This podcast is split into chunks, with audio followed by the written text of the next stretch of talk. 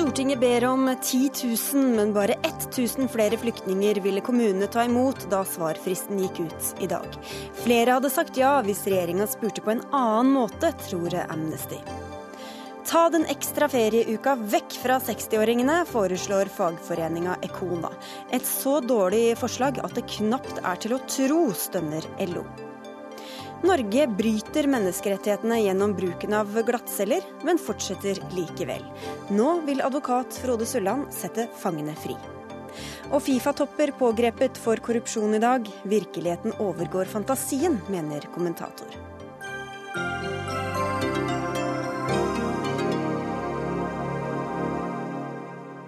Velkommen til dagens Dagsnytt 18 på NRK P2 og NRK2. Jeg heter Sigrid Solund, og vi skal også snakke om både dansk og britisk politikk. I dag gikk fristen ut for eh, kommunene til å svare på spørsmålet fra regjeringa om hvor mange ekstra flyktninger de kan gi et hjem i år og neste år. Bare 117 av 428 kommuner har svart, og til sammen har de så langt sagt ja til å ta imot rundt 1000 flere. Det er bare en tidel av eh, så mange syriske kvoteflyktninger som stortingsflertallet ønsker å ta imot. Samtidig sitter fortsatt flere enn 5000 mennesker på norske mottak med oppholdstillatelse og venter på å få en kommune å bo i. Og inkluderingsminister Solveig Horne, hva synes du om svarene du har fått og ikke fått? Nå kan jeg kanskje først oppdatere dere på de siste tallene. Eh, der er nå kommet svar fra 195 kommuner, og vi jobber nå med å se på hvor mange som har sagt ja. Men tallene jeg hadde klokka tre, det viser at vi ca. 1500 har sagt ja, med noen med litt forbehold, til å ta imot 100, eh, 1500 i år og neste år. altså 1500 flyktninger? Ja, mm. og, mm. men det viser likevel, de tallene vi har fått nå, at det er stor avstand mellom stortingsflertallet sine ambisjoner og det som er kapasiteten ute til kommunene. Så vi har en stor utfordring foran oss.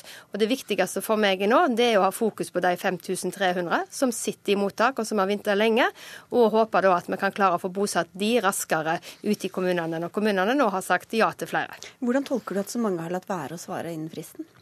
Nei, Det må du nesten spørre kommunene om. Jeg syns det er beklagelig at ikke kommunene har, eh, har, tatt seg tid til å svare. Men samtidig så har jeg forståelse for de som har bedt om en utsettelse. For det at dette henger sammen med, med, datoer som de har både med, med kommunestyre og bystyre. Så det, det, vil tikke inn nye svar nå de neste ukene òg fra kommunene. Vi har ikke alle kommunene her, men vi har jo deg, Gunn Marit Helgesen. Du er styreleder i KS som organiserer kommunene. Hvorfor tror du at så mange har unnlatt å svare? Jeg syns faktisk det er imponerende at 195 kommuner har svart allerede. Det er ikke så lenge siden statsråden sendte ut et brev. Eh, og kommunene tar dette på eh, største alvor.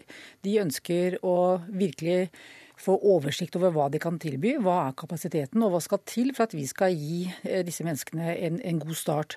Så jeg syns egentlig at dette er gode tall, og det viser altså en velvilje til å gjøre en ekstra jobb. Når da eh, en del sitter på vent, så er det nok fordi de kanskje ikke har hatt eh, vedtak i kommunestyret enda, og det ønsker man å ha fordi det er en, en, eh, skikkelig behandling som ligger bak. Og det andre er at jeg tror veldig mange også sitter på vent, for de lurer på hva har Stortinget tenkt å tilby av rammevilkår for å gjøre denne jobben. Men man kan jo også tenke seg at de som har sendt inn svar, er de som er mest positive til å ta imot flere flyktninger. Hvordan er ditt inntrykk av viljen til å ta imot ekstra mange flyktninger rundt om i kommunene?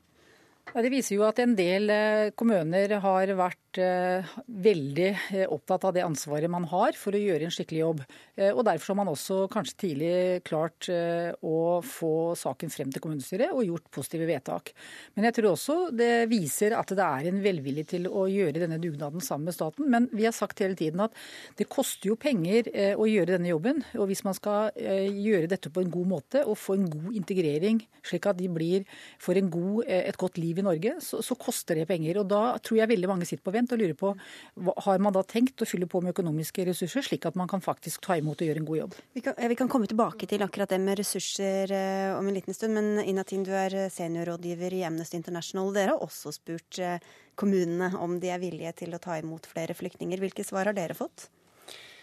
Ja, vi har eh, gått ut. Alle våre medlemmer som er opptatt av å ønske flere syriske flyktninger velkommen til Norge, har spurt sine respektive kommuner eh, om de vil forplikte seg til et visst antall eh, syriske flyktninger i løpet av de neste to årene. Og vi har tatt utgangspunkt i vårt regnestykke, som er 5000 i år og 5000 neste år. Eh, og da blir det én syrisk flyktning per 1000 innbyggere. og Det er det utgangspunktet vi har spurt kommunene om. Og Da har vi foreløpig fått inn altså positive svar. Eh, så tendensen hos oss, selv om det absolutt ikke er en fullstendig oversikt, det er at kommunene er med på en dugnad, og de vil gjerne forplikte seg. Vi har på en måte Perspektivet i det brevet vi har sendt, er at dette er en ekstraordinær katastrofe som krever ekstraordinære tiltak, og på en måte appellert til kommunene om å være med på en dugnad. Og da har vi altså fått mange positive svar. Hvordan skulle du ønske at Solveig Horne hadde sendt ut sitt eh, brev, da? Solveig Hornes brev er helt formelt og korrekt, og noe, jeg har ikke noe å utsette på det for så vidt, bortsett fra at jeg tror det har noe å si. Det blir selvfølgelig hypotetisk dette her, men hvilken måte perspektiv man ser denne forespørselen i. Og den er jo rent sånn byråkratisk i Solveig Hornøs brev. Det er ikke noe appell i forhold til at dette er en dugnad som, vi, som regjeringen ber dere om å være med på. Det er bare hvis, hvis, vi må ta imot 10 000 ekstra, har dere noe som helst kapasitet til å bidra til det. Så det, det er en forskjell i kommunikasjon. Hvorfor appellerer du ikke mer til samvittigheten Nei, og til dugnaden, Solveig Horne? Det er jeg litt uenig i. for Det første jeg gjorde når jeg tiltrådte som statsråd, det var å sende et brev til alle kommuner, både små og store, om å be om å være med på en bugnad. For når regjeringen tiltrådte, så satt der altså 5000 i mottak som hadde sittet lenge og som hadde venta. Det var en resistans som hadde bygd seg opp under den forrige regjeringen. Og jeg ba da, og jeg har hatt møte med tre dialogkonferanser med nesten 100 ordfører ordførere for å høre hva er det vi sammen kan gjøre som skal til for å få bosatt flere. Så er det sånn at eh, jeg må konsentrere meg om de som har fått lovlig opphold, som allerede sitter på mottak. Men når det er et stortingsflertall som diskuterer helt usannsynlige tall, altså ta imot 10 000 ekstra, da må jeg kartlegge hvilken kapasitet har den enkelte kommune, og det var det de fikk et spørsmål om nå. Og jeg er veldig spent på de tallene som Amnesty, de, hvilke signaler de har fått fra kommunene da. For når det er altså 100 og klokka tre i dag var 150 kommuner som har svart. 72 av de har bedt om utsettelse. Og det kunne jo kommunene tatt seg tid til å bare sendt en mail og sagt at eh, du takk for, takker for brevet, men eh, vi ber om en utsettelse, vi kommer tilbake. Men når de da ikke gjør det, så er det jo halvparten av kommunene som ikke har svart i det hele tatt. Og den, de tallene som nå har kommet fram, det viser at det er stor avstand mellom den kapasiteten kommunene har, og det å ta imot 10 000 ekstra som stortingsflertallet vil ha. Så ikke bare utvalget kanskje ikke helt helt representativt, men det kan jo også være at det er litt mindre forpliktende å svare positivt til dere enn det er til å svare positivt til Solveig Horne i Natin? Ja, som sagt, Det er ingen av oss som har en fullstendig oversikt nå. Og det har jo ikke du heller, så du kan jo ikke si at det ikke er kapasitet. For det er faktisk mange som ennå ikke har svart. Så, så la oss nå se. Og jeg skjønner at du eh, har tatt utgangspunkt i de, den restansen som, som, sitter i mottak og som skal ut. Og dem er vi helt enig i at de også skal bosettes. Men etter det så er det kommet denne store forespørselen om en dugnad fra elleve humanitære organisasjoner og Amnesty som menneskerettighetsorganisasjon, om en ekstraordinær dugnad på toppen av det for de syriske flyktningene. Og det avspeiles ikke i det brevet som annet enn en, en ekstra på en måte byrde på kommunene. Men Det som jeg er jo redd for, det er jo det at hvis at kommunene nå skal måtte begynne å velge mellom kvoteflyktningene og de som allerede sitter der, som også har kommet på grunn av kriser som skjer i verden. Og der sitter altså 1000 flyktninger fra Syria i dag som er med, med et opphold, som er klar til å flytte ut i en kommune. Og med de tallene som jeg har fått i dag, så håper jo jeg at jeg skal kunne klare å få bosette flere av de som sitter i mottak, og få ned dem. Kommunene vet at Høyre og Frp som sitter i regjering er imot å ta imot 10 000. Dere ber ikke dem innstendig om å ta imot, og du understreker også at det ikke er aktuelt med tvang. Hvordan tror du de elementene til sammen påvirker de svarene dere får fra kommunene? Altså, regjeringen og Høyre og Fremskrittspartiet har vært veldig tydelige på at det er mer fornuftig å bruke disse pengene. og Derfor har vi lagt inn 1 milliard i år til å hjelpe i nærområdet. Da klarer vi å velge flere. Hvordan tror du det påvirker svarene fra kommunene? Nei, altså I det brevet som er kommet fra kommunene, nei, som jeg har sendt ut til kommunene, så har jeg bedt om å kartlegge kartlegge hvilken kapasitet har dere. Og da har vi regna med de som sitter i mottak og venter, og hvis at stortingsflertallet skal vedta å ta imot flere. Og da må vi, så lenge vi har en frivillig bosetting, og det vil jeg bare understreke at det må vi ha, så må jeg vite hvilken kapasitet har kommunene, om vi klarer å bosette det, eller om det er bare fine tall som politikerne på Stortinget brer om seg med. Vi skal også høre fra deg, Reidar Almås, du er professor ved Institutt for bygdeforskning ved NTNU. Hvorfor tror du at eh, så mange kommuner ikke svarer på denne henvendelsen? Hilsen fra inkluderingsministeren? Jeg tror denne saka havna i eh, det kommunale byråkratiet og, og fastna der. Det har vært en diskusjon om eh, konkurranse i godhet eh, politisk nasjonalt. Og så får man høre at man skal drive med dugnad, og så kommer ikke pengene på bordet. Jeg tror at den dagen det er klart med revidert nasjonalbudsjett hva som ligger der, så vil flere komme ned fra gjerdet. Og jeg syns også at vi skal tenke på noe skulle vi ha gått fram på denne måten i 1944-1945, så har vi ikke klart å bosette noen av de som flykta fra Finnmark. Jeg husker på at mange av dem eh, bodde jo på hele familien på ett rom i, i Sør-Norge. Folk fant plass til dem, de bodde ikke ute. Og jeg vet jo at er mange eh, boliger i bygdene i dag eh, Vi har jo vært gjennom en langvarig sentralisering. Skoler, butikklokaler, enebosteder som står tom, der folk har flytta til mindre leiligheter. Gi eh, flyktningene penger til å pusse opp.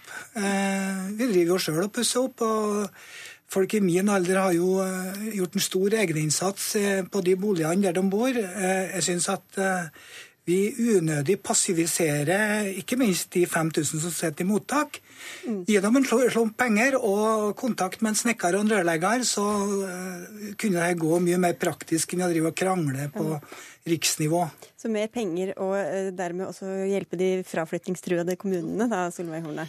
Ja, og jeg mener det at fraflytningstruede kommuner kan eh, bosette en familie eller flere flyktninger for, også, for at det kan bli en ressurs ute i kommunene sine. Og jeg må si det at det, når du hører på, det er mer enn bolig som skal til, for en bolig er viktig. Altså Du skal ha utdannelse, du skal ha språkopplæring, du skal ha arbeid. Og integreringsarbeidet ute i kommunene det henger sammen med vellykka bosetting. For at du skal i grunnen gi et tilbud til dem. Og jeg er veldig glad for den introduksjonsordningen vi har, som sier veldig klart at du har rett og plikt på språkopplæring, som skal være et verktøy for å komme seg ut i arbeid eller utdanning. Men hva mener dere i kommunene, altså i KS, hva må, hva må til for at flere kommuner skal si ja til å ta imot flere flyktninger? Nei, Det har vi vært tydelige på hele tiden. Det er klart Hvis man skal bosette flere, så koster det penger. og Da må man jo bevilge de pengene som er nødvendige for å gjøre en god jobb.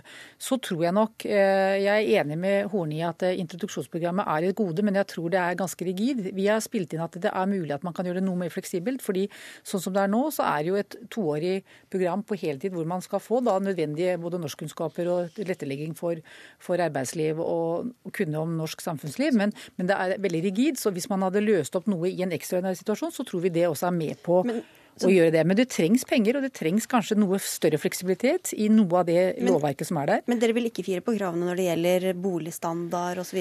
Jo, det, det, er sikkert også mulig å gjøre. Nå tror ikke jeg at kommunene har lagt seg veldig høyt i boligstandard. Jeg syns det har noe med anstendighet. Vi skal ta imot mennesker som har en tung bagasje. Jeg syns faktisk med respekt å melde at de skal ha en anstendig bolig. Men jeg kan godt tenke at vi har blitt rigide fordi vi ønsker at de skal få eksakt samme standard som det vi har.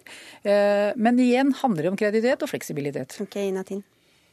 Ja, eh, jeg tenker at eh, den dugnaden som vi og mange andre organisasjoner har invitert til, har fått veldig bred gehør. Eh, både blant et flertall på Stortinget nå, blant mange kommuner, frivilligheten, mange privatpersoner som har startet initiativer for å si vi kan godt åpne våre hjem. Det er veldig mange aktører i det norske samfunnet som vil være med på denne dugnaden. Og jeg tenker det handler i siste, i siste instans om politisk vilje fra regjeringen til å gå inn i dette her. Og jeg opplever ikke at det er redelig å bruke kommunene som et forkle i denne sammenhengen. Det er spørsmål om politisk vilje det ender opp med til syvende og sist. Ja, Men jeg er ikke enig i at det ikke står på viljen. For vi må huske på det at i fjor, i 2014, så hadde vi en historisk bosetting. Kommunene har gjort en historisk innsats når det gjelder bosetting i fjor, og de er på god vei i år. Og det er jo takket være at regjeringen har økt integreringstilskuddet, vi har økt tilskuddet til, til bolig på, på, Husbanken, som er to viktige faktorer som kommunene sier er nødvendige for at de skal bosette flere. Men er det det aktuelt å la det følge mer penger med disse flyktningene? Ja, Nå dekker, nå dekker vi 90% av de kostnadene som, som, kommunene har. Samtidig som de kommuner som er flinke å få de ut i arbeid eller utdanning, de tjener jo penger på det, og lar det gå inn i andre tjenester i kommunene. Så dette her, her er kan være en vinn-vinn-situasjon, men vi er klar over de utfordringene som kommunene har, både med bolig og det med, med integreringstilskudd, og ikke minst også med familiegjenforening. Og det er derfor vi har økt det i budsjettet i fjor og i år til men, kommunene. Almas, hva viser erfaringer og forskning om hva som skal til, og når det lykkes med integreringa og ikke? Jeg kjenner jo til kommuner f.eks. Frøya her i Trøndelag og Vinje i Telemark, der en har eh, kommet veldig langt når det gjelder integrering. Det er jo så enkelt som at man leter opp det en har av boliger. Man utnevner faddere til de som kommer, og hjelper dem til rette. Mange små ting som til slutt gjør at folk føler seg til rette og føler seg velkommen. Det er jo eh, en liten studietur til de kommunene som har gjort det bra med å integrere innvandrere. kunne jo være en plass å begynne. Og dessuten så syns jeg folk flest også kan kikke litt rundt seg og se hva de har stående av eh, møbler som de ikke bruker, av eh, klær og huskeråd. Vi ser det jo dukker opp masse på loppemarked, og en blir jo nesten ikke kvitt det. Fullt brukbare ting. Så vi har veldig mye her i Norge som eh, Og kanskje noen har stående i leilighet eller et, et hus etter, etter, mor og far som, som, ingen bor i. Og da handler det om helt andre ting enn bare mer penger fra Solveig Horne, da, Helgesen. Hvorfor kan man ikke se mer på det som en ressurs og som en dugnad fra flere kommuner? Det tror jeg faktisk eh, det gjør, og jeg har lyst til å understreke Vil du ikke svare engang på brevet fra inkluderingsministeren? Eh, jeg syns igjen jeg at 200 eh, svar, halvparten av norske kommuner har svart, og noen sitter på vent. Jeg syns det vitner om en velvilje til å være med på den dugnaden.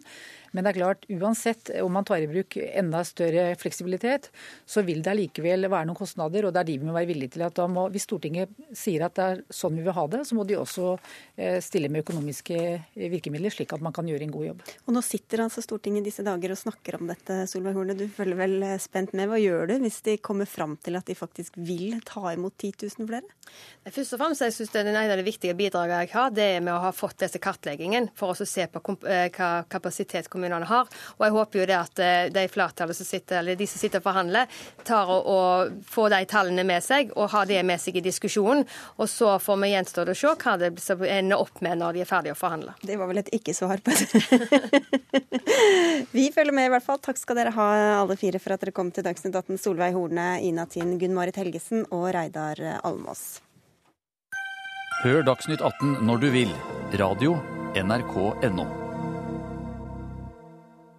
Så til dagens eh, dårlige nyhet for ferieglade 60-åringer. For det er ikke hver dag at eh, fagforeninger foreslår å fjerne velferdsgoder. Men det gjør altså Siviløkonomenes eh, fagforening Enoka nå. Dere mener at vi må tenke nytt om hvordan vi skal få 60-åringer til å bli værende lenger i jobb. Tom Bolstad, du representerer 20 000 siviløkonomer, blant dem 1000 omtrent, over 60 år og jobb. Hvordan skal det hjelpe på seniorenes arbeidsliv hvis vi fjerner en ferieuke? Ja, Det vi stiller spørsmål ved, er jo om disse gamle tiltakene som vi har hatt i mange år, eh, som kanskje gjelder et helt annet arbeidsliv, hvor man har tro på at det å gi eh, folk ekstra ferie gjør at de blir ekstra fristet til å stå lenge i jobb. Vi tror at for, iallfall for den gruppen vi representerer, så er det viktigere å, å jobbe for at de faktisk har en jobb etter at de, de fyller 60, at de er, blir, rett og slett blir litt mer populære i arbeidslivet. For dette er en stor gruppe, og det er en voksende gruppe. og de, de har ressurser og de ønsker å yte i arbeidslivet. Så du tror at det, den ferieuka gjør at arbeidsgiverne kvier seg for å ansette 60-åringer? Ja, det, vil jo, eller det er jo nærliggende å tro at når man gir en gruppe i arbeidslivet særordninger, så får det også konsekvenser for hvordan den gruppen oppfattes i arbeidsmarkedet. Begge Hessen Følsvik, du er førstesekretær i LO. Hva tror du den lange ferien gjør med iveren etter å ansette folk over 60? Det er jo sånn at diskriminering er ikke tillatt i dette landet. Diskriminering er forbudt ved lov.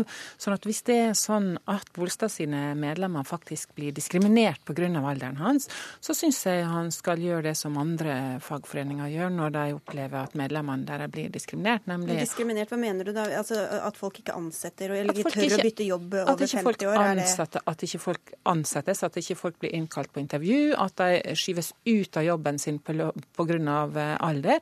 Alt det er diskriminering og må håndteres som sådan. Det å skulle endre på viktige velferdsgoder fordi at det er en gruppe på 1000 eh, av Bolstad sine medlemmer som, eh, som syns dette er vanskelig, det syns ikke jeg er en god måte å møte dette på. Men se for deg en 50-åring eller 55-åring som ikke tør å skifte jobb fordi at han tror ikke at han blir ansatt eh, pga. Uh, sånne velferdsgoder som følger med alderen. Skal han da gå til sak, eller altså, hvordan skal du løse det? Ja, Det må jo alle andre som eh, utsettes for diskriminering også gjøre.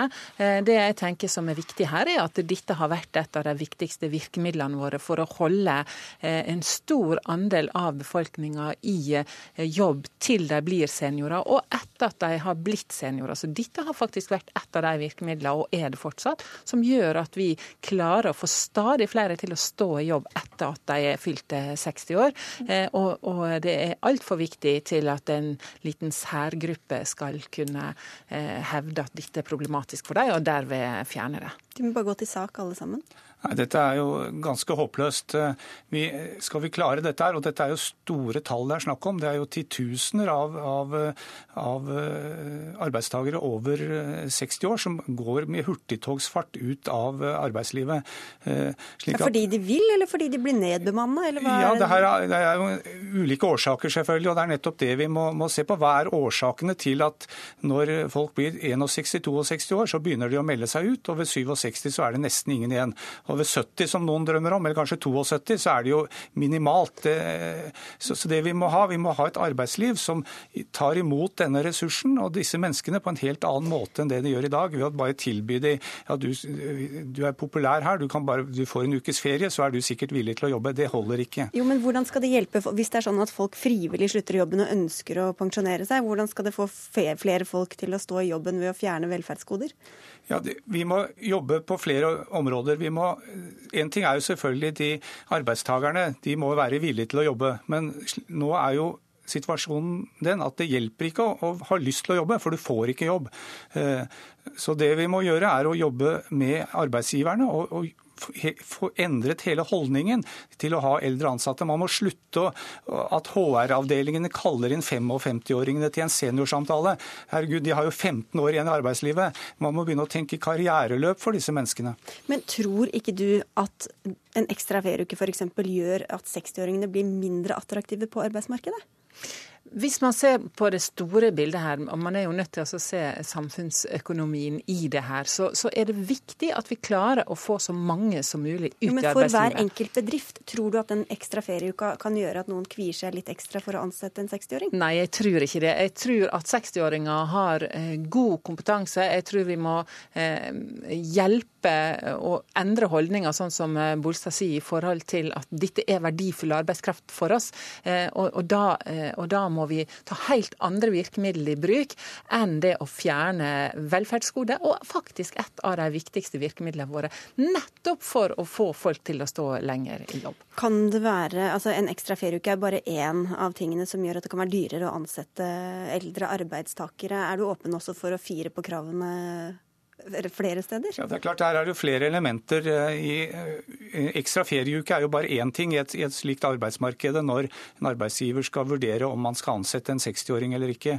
Eh, det kan jo være lønnsnivå som vedkommende kommer med. Vi har jo medlemmer som gjennom et langt yrkeskarriere har veldig høye lønn, lønninger etter hvert, så det kan være en utfordring. De, kan, de, må være villige til å gå ned i lønn for å bli stående? Ja, hvis, de, hvis ansvarsområdet deres endres. Hvis de f.eks. sier nei takk, jeg orker ikke å stå i en ledende stilling lenger, jeg ønsker å, å gå over til en saksbehandlerstilling, så må jo det også få konsekvenser for lønnen. Det er jeg sikker på at våre medlemmer skjønner. Men det som er utfordringen, er jo et, et annet element. Det er jo trygdesystemet. Store del, eller Den gruppen som nå er, er 60 pluss, de er jo i gammel folketrygd. slik at det er svært krevende også for våre medlemmer å begynne å, å si nei takk til lønn og gå ned i lønn når de nærmer seg pensjonsalderen. For det får jo en direkte konsekvens for deres pensjon livet ut. Så her er det mange elementer vi må se på. Jeg har sjelden opplevd at de som kaller seg en fagforening, fagforening står fram og snakker ned medlemmene sine rettigheter på den måten som Bolstad her gjør. Og jeg må si jeg er veldig forundra over det jeg gjør. Det er ikke han som skal svare eh, sine medlemmer på eh, disse spørsmålene. Heldigvis. Vi er opptatt av å forsvare medlemmene våre sine rettigheter, både når det gjelder lønn, når det gjelder opparbeida gode, når det gjelder velferdsordninger, og når det gjelder eh, samfunnsspørsmål generelt. Jeg må si jeg syns det er overraska at, overraskende å høre at Bolstad både kaller seg en fagforening og hevder akkurat disse tingene nå. Ja, Dette er jo sånn godt gammeldags fagforeningssnakk. Det vi prøver er å reise en debatt og prøve å se om vi kan finne noen gode løsninger for fremtidens arbeidsliv, for de som er fremtidens arbeidstagere. Eh, tilbud om ekstra fri og feriedager på slutten av yrkeskarrieren er jo noe man har for, for sliterne, som faktisk trenger det. Det er jo ikke noe tvil om. Så noen kan, kan få beholde den, men ikke de som sitter Ja, Nå kommer det store grupper velutdannede norske akademikere inn i arbeidslivet. og Det er ikke sikkert at dette er et element som er egnet til å, å, å sikre at de står etter 60 år. Og Hva hjelper det å snakke om rettigheter eller diskriminering og gå til sak hvis folk ikke tør å skifte jobb eller tør, blir ansatt når de er over 55 år? Det jeg har tro på, det er at partene i arbeidslivet og myndighetene skal klare å komme fram til gode ordninger for alle arbeidstakere. Men hvis de opplever det i virkeligheten, at de tør ikke å skifte jobb eller de får ikke jobb? Ja, som sagt, Hvis de blir diskriminert, så har vi lovbestemmelser mot diskriminering. Vi har et godt diskrimineringsvern her i landet. Og Da må Bolstad, som skal støtte sine medlemmer, være villig til å ta også den fighten for de som faktisk blir utsatt for det, i stedet for å snakke ned rettighetene og mulighetene deres. Ja, og Det gjør vi hver eneste dag for våre medlemmer, og våre advokater jobber for, for disse. Men faktum og virkeligheten der ute er at dette er, det er, ikke være, det er ikke lett å være pluss 60 og være arbeidsløs. Da går du over i pensjonistenes rekke. og jeg dro det enda ned fem år.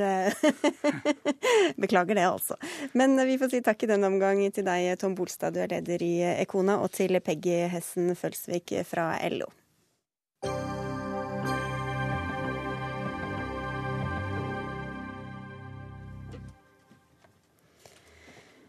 En skal ha tjent eh, millioner på å selge VM-billetter. En annen skal ha krevd å bli adlet for å støtte Englands eh, VM-søknad. I dag morges ble flere tillitsvalgte i det internasjonale fotballforbundet Fifa arrestert, angivelig pga. hvitvasking og korrupsjon. Og i ettermiddag slo FBI til mot kontorene til det nord- og mellomamerikanske fotballforbundet. Korrespondent Åse Marit Befring, du er i Zürich, eh, der de første arrestasjonene skjedde. Hva mer vet du om grunnlaget for, eh, for disse pågripelsene? Ja, Det er veldig lite som har eh, kommet ut herfra. Politiet har sendt ut et par pressemeldinger hvor de har forklart pågripelsene. Det siste som blir sagt nå, er at av de sju som ble pågrepet, de sitter nå i varetekt her, så er det én som godtar å bli utlevert til USA seks andre nekter dette. og Det betyr i så fall at dette er en sak som kommer til å pågå over flere år. fordi at det, det tar lang tid. Da, da må den gjennom eh, doms, eh, her i Sveits før det eventuelt kan bli en eh, utlevering. Fifa samles denne uka for den årlige kongressen hvor bl.a. presidentvalget står på programmet. Hva sies om hvordan disse arrestasjonene kan påvirke det møtet? Det kommer til å få veldig mye oppmerksomhet. Til tross for at det har vært mye snakk om korrupsjon i flere år, så har dette slått ned som en bombe. Og uh, Styreformannen i det britiske fotballforbundet mener at man nå bør utsette valg av ny president for Fifa. Det er jo uh, sagt herfra at den kommer til å skje på fredag. Man skal ikke gjøre noen endringer til tross for at flere stoler da kommer til å stå tomme. Men det har kommet store, sterke reaksjoner på det som har skjedd. Takk skal du ha også, Marit Befring Esnåsæter. Du er sportskommentator i Dagbladet. Denne gangen overgår virkeligheten fantasien, skriver du i en eh, kommentar. Hva er det som har foregått i Fifa, egentlig? Ja, den som, den som, får lov til å vite det etter hvert. Problemet var jo at det kom en, det kom en rapport eh, om det som hadde foregått for, eh, for, en tid siden. Og Da valgte Fifa-ledelsen, det var en kritisk rapport, da valgte Fifa-ledelsen å ta ut de sidene av rapporten som de syntes var greie å få, å få vite. Og det var ikke så, så fæle ting. Eh, og det andre får vi da etter hvert vite i amerikanske domstoler, kanskje i en sveitsisk eh, domstol. For det har vært eh, massevis av rykter, men det har ikke vært så veldig mye konkret foreløpig. Mm. Men det har gått rykter om korrupsjon og om uh, veldig mye rart lenge. Mina Finstadberg, du er fotballblogger. Fifa sa på pressekonferansen i dag at disse arrestasjonene er dårlige for renommeet, men at det kan være bra på sikt. Er det en analyse du er enig i? Så nå har jo Fifa i ganske mange miljøer et veldig skittent rykte fra før. Eh, både pga. gjentatte sterke korrupsjonsrykter og indisier, og litt pga. hvordan de har turt fram. Eh, Bl.a. Brasil-VM og også eh, kampfiksingsskandaler, den type ting. Så de har allerede et ganske brokete rykte. Jeg tror at mange ble kanskje mer letta enn skuffa da arrestasjonene faktisk kom i dag. Fordi man føler at nå tas det endelig på alvor. Eh, mange har vært frustrert veldig veldig lenge eh, over Fifa, som oppleves som et pill råttent system. At det er mer en, en lettelse enn en skuffelse mm. som fotballsupporter. da. Men Hva er det mistankene går ut på? Altså, sånn generelt, Ikke bare i, i siktelsen og sånn, men hva er det hva man tror at Fifa holdt på med? Hvordan er det det holdt på? Amerikanerne sier jo at de etterforsker korrupsjon fra 1991 til i dag. Med korrupsjon, eh, bestikkelser, hvitvasking osv. Det er jo ekstremt alvorlig. Og da er det bl.a. VM i Qatar også, ja, det har vært veldig mye mm. snakk om. Det går, det går på mesterskapene, og det går på TV-selskaper og sponsorinntekter. Altså rundt 70% av Fifa sine enorme inntekter. De har nå en, en pengebinge på 10 milliarder kroner det kommer fra rettigheter i forbindelse med disse mesterskapene. Og da er det spillet rundt å få mesterskap, spillet å få reklamerettigheter. Der er det mellommenn, og så betales mellommenn på et eller annet vis. Og det er hele dette dette bakspillet som, som, ikke er blitt nøstet ordentlig opp. Og det er det som kommer til å skje da, forhåpentligvis, i noen år framover i, i rettssaker. Fordi det er de, noen som har blitt tatt for litt, så kommer de ut, og så kommer de inn i varmen igjen etter ja, en liten tid? Og ja, og det, det, er ganske spesielt. ikke sant? De, de får ganske kort straffer av Fifa-ledelsen. Og hvis de er eh, regimelojale, altså Blatter-lojale, så har de mulighet til å komme til matbordet igjen og, eh, og ta imot eh, godbitene som, som Fifa-styret slenger ut. For det er et, et, veldig underlig system i den internasjonale fotballen, hvor altså dette styret driver og formidler utviklingspenger hele tiden. Og da snakker vi igjen om helt ekstreme beløp. De siste, ja, De siste fire årene så er det brukt 11 milliarder kroner i utvikling av fotball over hele verden. Og det er i utgangspunktet fantastisk fint. Det gir en likhet for de som skal drive fotballsporten, og det er vi alle for. Men problemet er at det er så mye penger som gjør at man blir fristet underveis, og man blir veldig bundet til de hendene som gir ut de pengene. Og de hendene fins i, i Fifa-styret, og spesielt de to som, som Blatter selv har. Ja, Blatter er altså Fifas president, og han skal nå gjenvelges for hva er det, femte gang eller et eller annet? Han har sittet siden 1998, ja. Eh, er det vel. Så han har jo sittet i mesteparten av den perioden hvor man nå etterforsker grove anklager om korrupsjon. Men det, kan han si at han ikke har visst om noe av dette? Han sier, kommer jo til å si det. Eh, og jeg tror han blir gjenvalgt på fredag, når det er valg. Hvis det valget gjennomføres. Med mindre det kommer opp noe at det skjer noe voldsomt dramatisk i morgen, så tror jeg han blir gjenvalgt på fredag. Eh, men jeg mener at det er ekstremt naivt å tro at Blatter ikke har visst om at det her har foregått. Du kan ikke sitte som styreleder i organisasjon eh, i så mange år med så mye korrupsjon rundt deg og ikke vite at det skjer. Mm. Nei, og I tillegg så er jo hans nærmeste allierte mm. visepresident fra, fra Karibien han er da blant de arresterte, så det er klart at dette er veldig tett eh, oppunder han. Men uansett så sitter han som ansvarlig for en internasjonal fotball, og hva han har gjort rent personlig eller ikke, det, holdt på å si, det får nesten så være. Men et eller annet sted så går det en grense, og det er klart at den grensen føler vi nå er nådd. Men, men og det er veldig viktig, det er våre vestlige følelser, og vi må skjønne at dette her er en kamp om ulik kulturoppfatning av hva som er riktig og hva som er galt.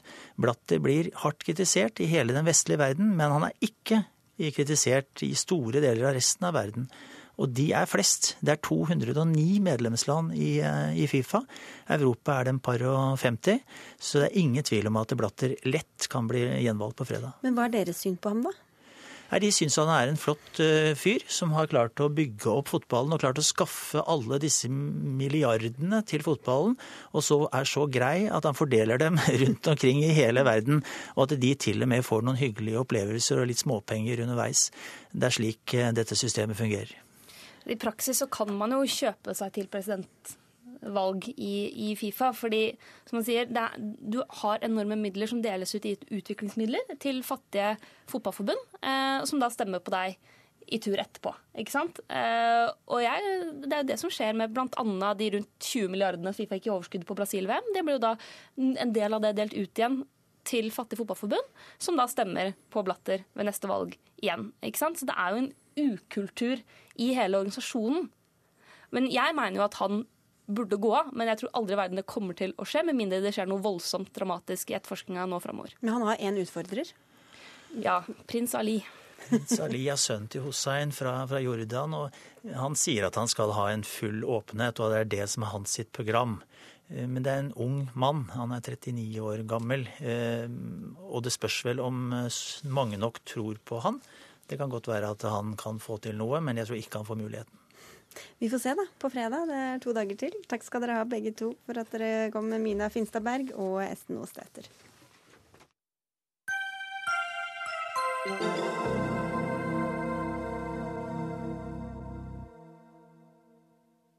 Norsk bruk av eh, glattcelle er blitt kritisert gjentatte ganger fra ulike hold gjennom mange år. I fjor ble staten dømt for brudd på menneskerettighetene, en dom som først eh, skulle ankes, men anken ble trukket for et par uker siden. Likevel eh, fortsetter praksisen, og nå sier dere til Aftenposten at alle forsvarere bør eh, kreve umiddelbar løslatelse for klientene som sitter isolert uten rettslig grunnlag. Frode Sulland, du er advokat og leder for forsvarergruppa i eh, Advokatforeninga. Hva ved den norske bruken av glattceller bryter med menneskerettighetene? Det er jo blitt en svært alvorlig situasjon når staten i tolvte time trekker denne anken, og på den måten erkjenner at Oslo tingrett har rett i eh, dommen hvor man eh, stempler denne praksisen som i strid med menneskerettighetene. Og Det gjør den fordi at eh, det er et inngrep å isolere folk som er beskyttet av menneskerettighetene. Man har konstatert i tingrettens dom at det er ikke hjemmel i norsk lovverk for dette etter de 48 timene som er festet inn i en eh, forskrift. Men i tillegg til det, og det er vel det mest alvorlige, så har man fastslått at eh, denne isolasjonen i det tilfellet som var til behandling, og i de fleste andre tilfeller, ikke er nødvendig. Det har intet berettiget formål, og derfor så konstaterer tingretten både at det er et brudd på EMK allerede etter få timer, og at kapasitetshensyn, som jo påberopes både før og etter at anken trekkes, ikke er noe relevant hensyn som kan forsvare dette bruddet på menneskerettighetene. Hva mener du da at denne dommen må få å si? Den må få flere konsekvenser. Når vi sier at man må begjære løslatelse, så er jo det for å få domstolenes hjelp til å presse myndighetene til å overholde dette. Det er helt åpenbart at det nå må skje en lovendring hvor man fastslår eh, en rettstilstand i samsvar med det dommen eh, statuerer.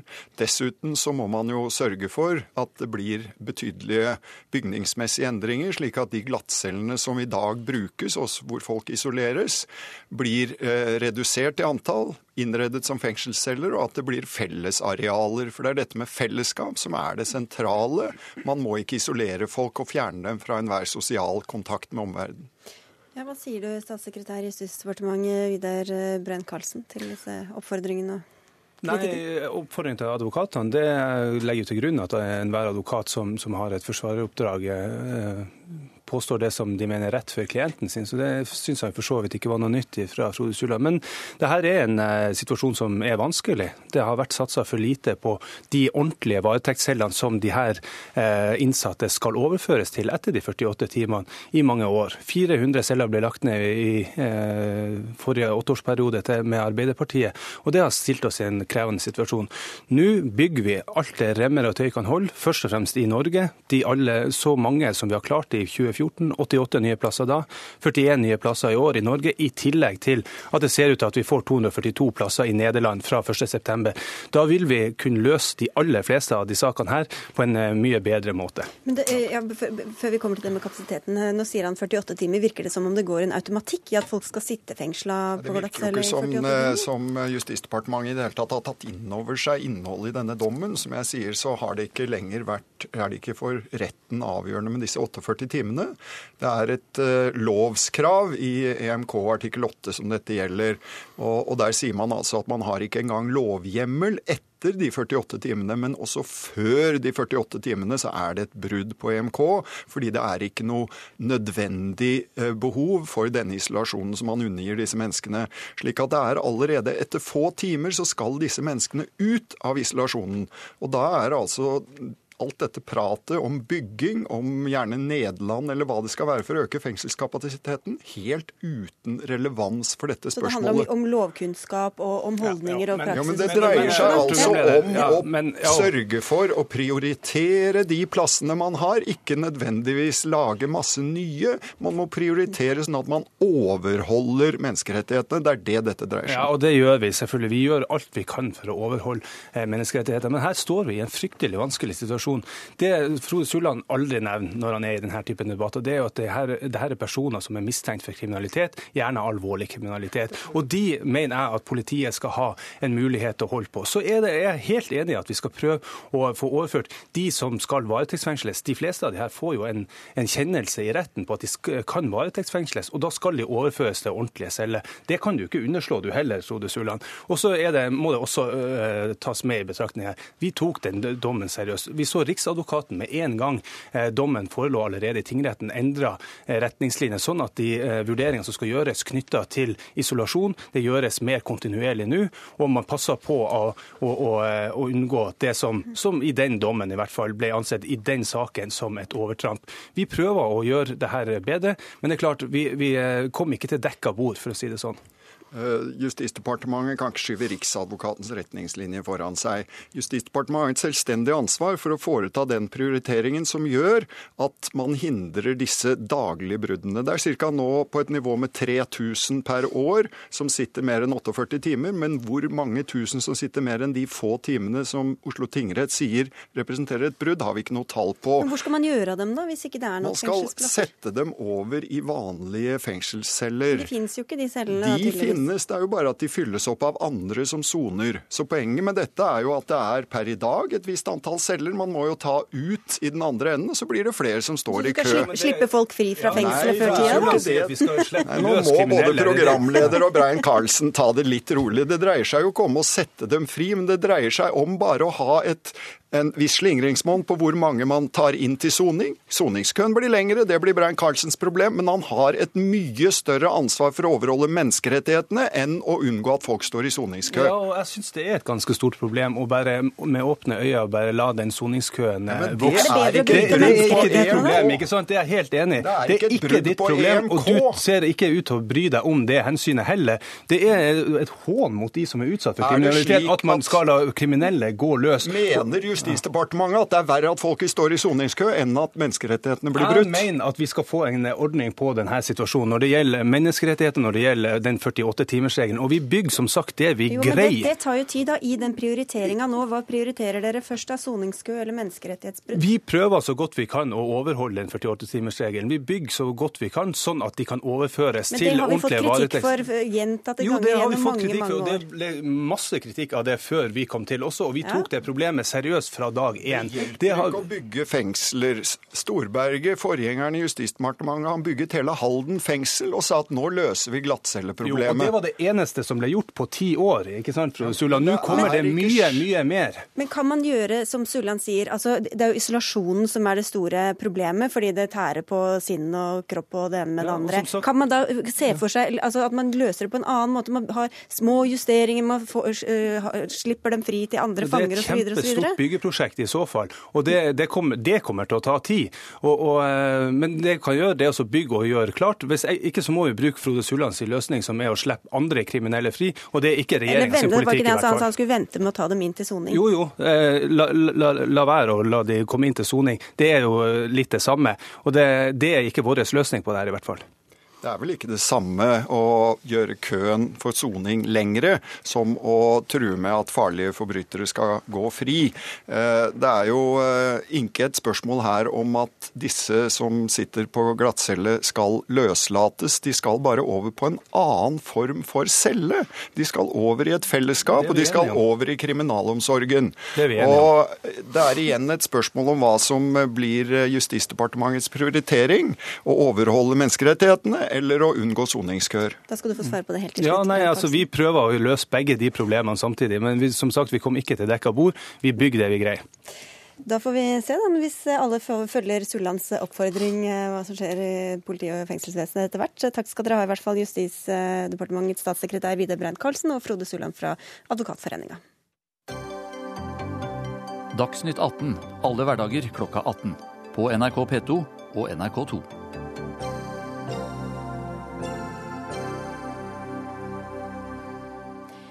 London er livet i gatene snart tilbake til det normale, etter det som nærmest kan sammenlignes med en unntakstilstand tidligere i dag. For da holdt dronning Elisabeth sin årlige trontale til det britiske parlamentet. Og hvordan preget det byen, London-korrespondent Espen Aas? Britene er jo kjent for å opprettholde sine tradisjoner, og en av dem er jo at dronningen skal da føres fra Buckingham Palace til Westminster i eh, vogn. og Den skal være trukket av hester og ha et ikke ubetydelig antall vakter, også de på hester, med seg. Slik at eh, store deler av sentrum har vært eh, lukket i, i hele dag for å få fraktet dronningen dit, og også få fraktet dette gisselet fra regjeringen som da skal sittes på Buckingham Palace mens dronningen er i parlamentet, for å sikre at hun da eh, kommer seg tilbake igjen fra de folkevalgte. Men eh, de fleste av gjerdene er nå forsvunnet. Talen er, eh, er, lest opp, og nå har den lange, mange dager lange debatten, trontaledebatten slik vi kjenner den også hjemme, startet. Hvilket budskap kom hun med da, på vegne av statsminister Cameron bare noen uker etter valget der? Det er eh, jo selvfølgelig ført i pennen av eh, regjeringen selv, og det var, et, eh, det var en trontale for de hardt arbeidende britiske familiene, ble det innledet med å si. Men det handler jo om å oppfylle mange av de løftene som David Cameron kom med før valget. Det kanskje aller viktigste er jo denne etter hvert så mye omtalte folkeavstemningen om EU. Det ble bekreftet at den skal avholdes senest innen utgangen av 2017. Mange tror vel også at den kan komme før, eh, fordi at dette er en, en, sak som jo har preget det politiske livet her i Storbritannia i årevis, og det konservative partiet gjennom tiår. Hvordan står det til med EU-skepsisen der nå, da? Det er jo en litt spesiell EU-skepsis, fordi den handler ofte om andre ting enn nødvendigvis EU. Mye av det handler selvsagt om at for mye bestemmes i Brussel og for lite i London, noe verken denne regjeringen eller uh, mange av folket liker så mye. Men mye handler også om skepsisen til arbeidsinnvandring, særlig fra uh, Øst-Europa. Og den er absolutt gjeldende. Og det britiske arbeiderpartiet Labour har også nå for første gang sagt at de støtter en folkeavstemning om EU, mens deres uh, tidligere leder Ed Miliband, som gikk av etter valgnederlaget, han ønsket jo ikke det. Men her er også det partiet snudd, så det er en stor stemning for å få avklart dette spørsmålet nå. For ikke så lenge siden så holdt eh, Skottland avstemming, folkeavstemning om løsrivelse.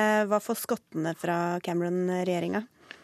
De får nå langt mer eh, selvbestemmelse over eh, budsjettene, også når det gjelder hva slags skatter eh, de skal kunne innføre, hva slags skattenivåer de skal ha. I dag så er det jo f.eks. ikke noe egenbetaling for å studere på universiteter i Skottland, mens du må gjøre det i England. Skal du ha medisiner, så får du de uten egenandel i Skottland, mens du må betale i England osv. Nå får du også forskjellige skattenivåer, slik at disse fire nasjonene som da utgjør dette forente kongeriket her, blir nå enda mer forskjellige. Og Nord-Irland og Wales er, er, lovet det samme, de har jo også sine parlamenter.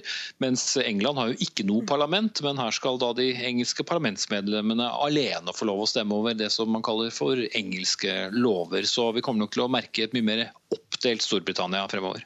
Du på tampen, Espen, du nevnte dette gisselet. Det er også noen andre pussige ritualer rundt denne britiske trontalen?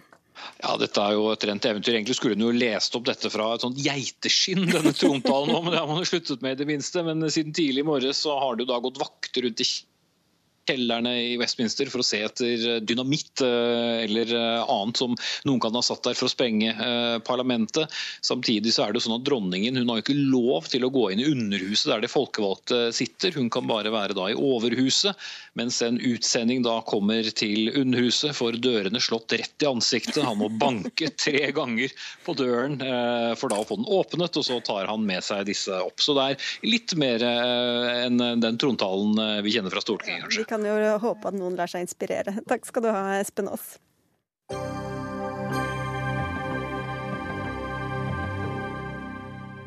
Da skal vi fra britisk til dansk politikk. Jeg har sett frem til i dag. Valget er klart, tiden er den rette, og nå er det opp til danskerne. Jeg er derfor innstillet til Hennes Majestat Dronningen at der utskrives valg til Folketinget til avholdelse den 18. juni. I dag lyste Danmarks statsminister Helle Thorning-Smith eh, fra Sosialdemokratene ut nyvalg. Slaget står nå mellom henne og den tidligere statsministeren fra det borgerlige Venstre, Lars Løkke Rasmussen. Anders Tvegård, du er utenriksmedarbeider i NRK på plass eh, i Danmark. Hva viser de siste meningsmålingene? Det her kan eh, bli noen spennende tre uker. Akkurat nå så ligger den blå blokka i forkant hvis du ser på meningsmålingene med 52% oppslutning. Mens eh, regjeringsblokka, den røde, har 47 eh, oppslutning, men mye kan altså fortsatt skje. Hva kan du si om timingen for eh, utlysningen av dette nyvalget? Danskene har gått og ventet på dette her, spekulert på når det blir nyvalg i ukevis, månedsvis, helt siden statsministeren holdt nyttårstalen. For den var politisk lada og hadde mange uh, løfter. Og disse har blitt uh, i etterkant fulgt opp av annonsekampanjer og eh, denne, uka, denne uka her var en av de siste mulighetene hun hadde til å utlyse et nyvalg før sommerferien. For Hvis ikke så hadde det blitt valg i september, og, eh, og da kan kanskje meningsmålingene peke en helt annen vei for, eh, for, den røde blokka. Utfordreren er altså Lars Løkke Rasmussen. Vi har hørt om noen skjorter og noen hotellrom og diverse utgifter som er litt ureglementert. Hvordan preger det debatten så langt? Ja, og da, De eh, snakker jo her om man skal eh, gi eh, penger i folks lommer, eller om det skal gå på velferd og helsetjenester. og Det er vel der stridsspørsmålet står akkurat nå, altså forskjellen mellom de to partiene. Men du har jo også hatt andre spørsmål her, som integrasjonspolitikk. Danmark hadde jo et terrorangrep for noen uker siden. Mange trodde at det skulle slå negativt ut for statsministeren, men det har viser seg å ikke ha flyttet noen eh, velgere i eh, nevneverdig grad. Eh, selv om det da altså kom fram at også statsministeren ikke hadde full oversikt der, og at politiet var ganske sene med, med utrykningen. Takk skal du ha, Anders Tvegård, med fra København. Kristin Clemet, du er leder i tankesmia Civita og følger med på dansk politikk. Hva slags styre har det vært med Thorning-Smith som statsminister? Det har jo vært en regjering og en statsminister som i grunnen har vært upopulær fra dag én. Og årsaken til det er at eh, regjeringen har vært regnet for å være en løftebruddsregjering. Eh, det har vært en rød regjering som har blitt beskyldt for å føre blå politikk, særlig blå økonomisk politikk, innstramninger i velferdsordninger osv. Derfor er det jo en del på høyresiden som syns det har vært eh, bra politikk. Og så er det en regjering hvor det har vært veldig store utskiftninger, og hvor ett parti har gått helt ut, nemlig SF. Men det som har skjedd, og som vi hører om her nå, det er siden uh, nyttår, det siste halve året, så har på en måte statsministeren og sosialdemokratiet så å si iscenesatt seg selv på, på nytt. Eh, og lagt en plan, en markedsføringsplan nærmest, som eh, mange syns virker helt genial, med store annonsekampanjer, og hvor hun sier at nå har hun ryddet opp i dansk økonomi, nå skal hun satse mer på velferd, og velferd fremfor skattelettelser. Alt det vonde er over. og nå skal vi også satse på en, en stram innvandringspolitikk. Frir ganske mye til Dansk Folkepartis velgere. Og, og, nå står det da bedre til for henne. Hun er mer populær enn hun har vært uh, før, statsministeren selv. Og de sosialdemokratene gjør det litt bedre på meningsmålingene. Så nå følger jeg akkurat nå er det beste tidspunktet å skrive ut et, uh, et valg på. Kjetil Widsvang, du er kommentator i Dagens Næringsliv og skriver om dette i en kommentar hvor du også sneier innom TV-serien Borgen, som gjorde at mange nordmenn fattet interesse for dansk politikk, eller i hvert fall intrigemakeri. Hva, hva, hvilke fellestrekk ser du nå? Det er ganske likt. Eh, fra det denne kokken kokte sammen av en intrige for, for Borgen. Og det interessante er jo at det har fascinert langt utover eh, danske grenser. Spesielt i Storbritannia ble det en kultserie mens det gikk, og det er forstått veldig mye av det akkurat det samme som skjer. Du har et sentrumsparti hvor det nå er et utbryterparti som faktisk kan avgjøre dette, dette valget, som heter Alternativet, som ligger sånn. Ja, det er de grønne, nesten? Eh, ja, de grønne, de, de grønne omtrent en tidligere kulturminister for da det partiet som heter Radikale Venstre, som har laget sitt eget parti, og som nå dupper akkurat rundt sperregrensen på 2% og hvis da de kommer inn, så kan det tippe balansen over på rød side. Selv om det kanskje ikke så dramatisk som vi så på TV. nei, nei men det var en TV-serie som akkurat som lå foran virkeligheten, så det var veldig, veldig spennende. Ja. Men eh, vi hørte Anders Tvegård nevne noen av temaene. Hvor gjenkjennelig er den danske diskusjonen og de danske temaene med norsk Det er jo ganske gjenkjennelig, og de kommer til å diskutere velferd kontra skatt. De kommer til å diskutere innvandringspolitikk og helse, altså klassiske spørsmål. Men det vil nok også bli hevdet at det er så små forskjeller mellom de to store la meg si, styringspartiene, altså sosial sosialdemokrati på den ene siden og det danske Venstre, som er det store borgerlige partiet, at det kanskje vil flytte noe av oppmerksomheten over på disse mindre partiene, som kan bli eh, avgjørende for om man får flertall, og som kan bli regjeringspartier i enkelte tilfeller. Det gjelder alternativet på venstresiden, som vi nå nettopp eh, nevnte. Eh, og på høyresiden så er det jo også partier som aldri har sittet i regjering, hvor det spekuleres i kan de komme inn i regjering. Det gjelder Dansk Folkeparti, det er kanskje ikke så veldig sannsynlig at de skal inn i regjering, men det er et parti som heter Liberal allianse, som er et uh, mindre parti og relativt nytt parti, som har gjort det ganske bra. For det, er vanskelig å etablere nye partier i våre land. Uh, og som sier at de er villige til å gå i regjeringa og er opptatt av at de skal komme i en vippeposisjon og bli avgjørende for at de borgerlige vinner valget. Og så tror vel mange at det blir en personvalgkamp, fordi det står om to statsministerkandidater. Og nå er Helle Thorning-Smith gjør det ganske bra på sånne personlige tillitsmålinger, mens den borgerlige statsministerkandidaten, selv om de borgerlige partiene leder på meningsmålingene, så er han ikke så veldig populær. Altså, det er jo disse tilleggspartiene som gjør at dette tenderer veldig inn mot sentrum, at forskjellen er veldig liten. Altså På den ene siden så trekker radikale Venstre har trukket Sosialdemokratene inn mot en sentrumsansvarlig økonomisk politikk. Det er liksom tilsvarende Venstre i ja, ja, på, på, et vis at Venstre på venstre, mm. på venstre fløy. Eh, venstresiden i Venstre. Mens eh, på den andre siden så har du da Dansk Folkeparti, som har et veldig klart synspunkt når det gjelder innvandring, mens i økonomisk politikk ligger ganske nært sosialdemokratiet. Slik at eh, der hvor da de andre borgerlige partiene vil kutte og føre stramt og kutte skatter og den slags, så vil gjerne de satse mer på velferd. Hvor viktig kan disse personene, altså Torning Smith og Løkke Rasmussen, bli i valgkampen da, tror dere? Vanskelig å si. og Det er derfor da de, de, disse som nå tar og spår om det, sier at dette er absolutt helt, eh, helt åpent. Men det er klart, du starter med en fordel for, for de blå. Man sier jo nesten at det er nesten utrolig at hun ikke vinner over en som er så upopulær. Så det er nesten det, er nesten det motsatte som er uh, utrolig, på en måte. At det er såpass stabilt mellom blokkene. Og at ikke det har det er hans mangel på popularitet nå, da, og tillit til at ikke det har påvirket oppslutningen om blokkene og partiene mer enn det har gjort. Så det ligger veldig stabilt, selv om det beveger seg litt innenfor, uh, innenfor blokkene. Hvorfor er han så upopulær? Han er, han er, dansk, eh, så han drikker øl og han røyker litt. Og han liker å kose seg på, på fly. Og så har han fått eh, partiet til å hjelpe seg å skaffe seg noen klær som ikke er så krøllete som de ellers ville ha vært. holdt jeg på å si. Eh, så det har en, en, en, god periode første gang det kom frem den typen saker, så tror jeg de fleste bare syntes at det var sjarmerende. Det gjorde at han var alminnelig, at han var dansk, rett og slett. Men så har det kommet litt for mange sånne saker, og så har det begynt å irritere velgerne. Jeg har hatt enkelte andre, danske politikere fra sosialdemokratiet som har oppført seg relativt frilynt på hoteller og sånt. Men så hadde de Anders Fogh Rasmussen noen år, og han var jo veldig skikkelig til å være dansk da. Så. Nei, men uh, ja. Uh, altså forskjellen på det blir ganske smått. I den store planen som kom da fra statsminister, eh, statsministeren rett før valget, så legger hun fram en stor økonomisk plan med satsing på velferd. Eh, så tar økonomer og plukker det fra hverandre, så viser det seg at hun egentlig har tatt bare budsjettøkningen de neste, neste årene og lagt inn det som noe som skal, skal satses på det store sosialdemokratiske prosjektet. Så ender det opp med forskjellen mellom høyresiden og venstresiden i dansk politikk er syv promille. Mm. Det, det, er vel også relativt gjenkjennelig, kanskje? Ja, det er, det er jo ganske små forskjeller i men, men, det er klart at den effekten av at hun har ledet en eh, rød regjering som har altså Det er ikke noe særlig uenighet om det, har ført en mye blåere politikk enn hun lovet. Så den har ligget helt pga. radikale Venstre, som, tror, som, egentlig har vært det sterke partiet i regjering.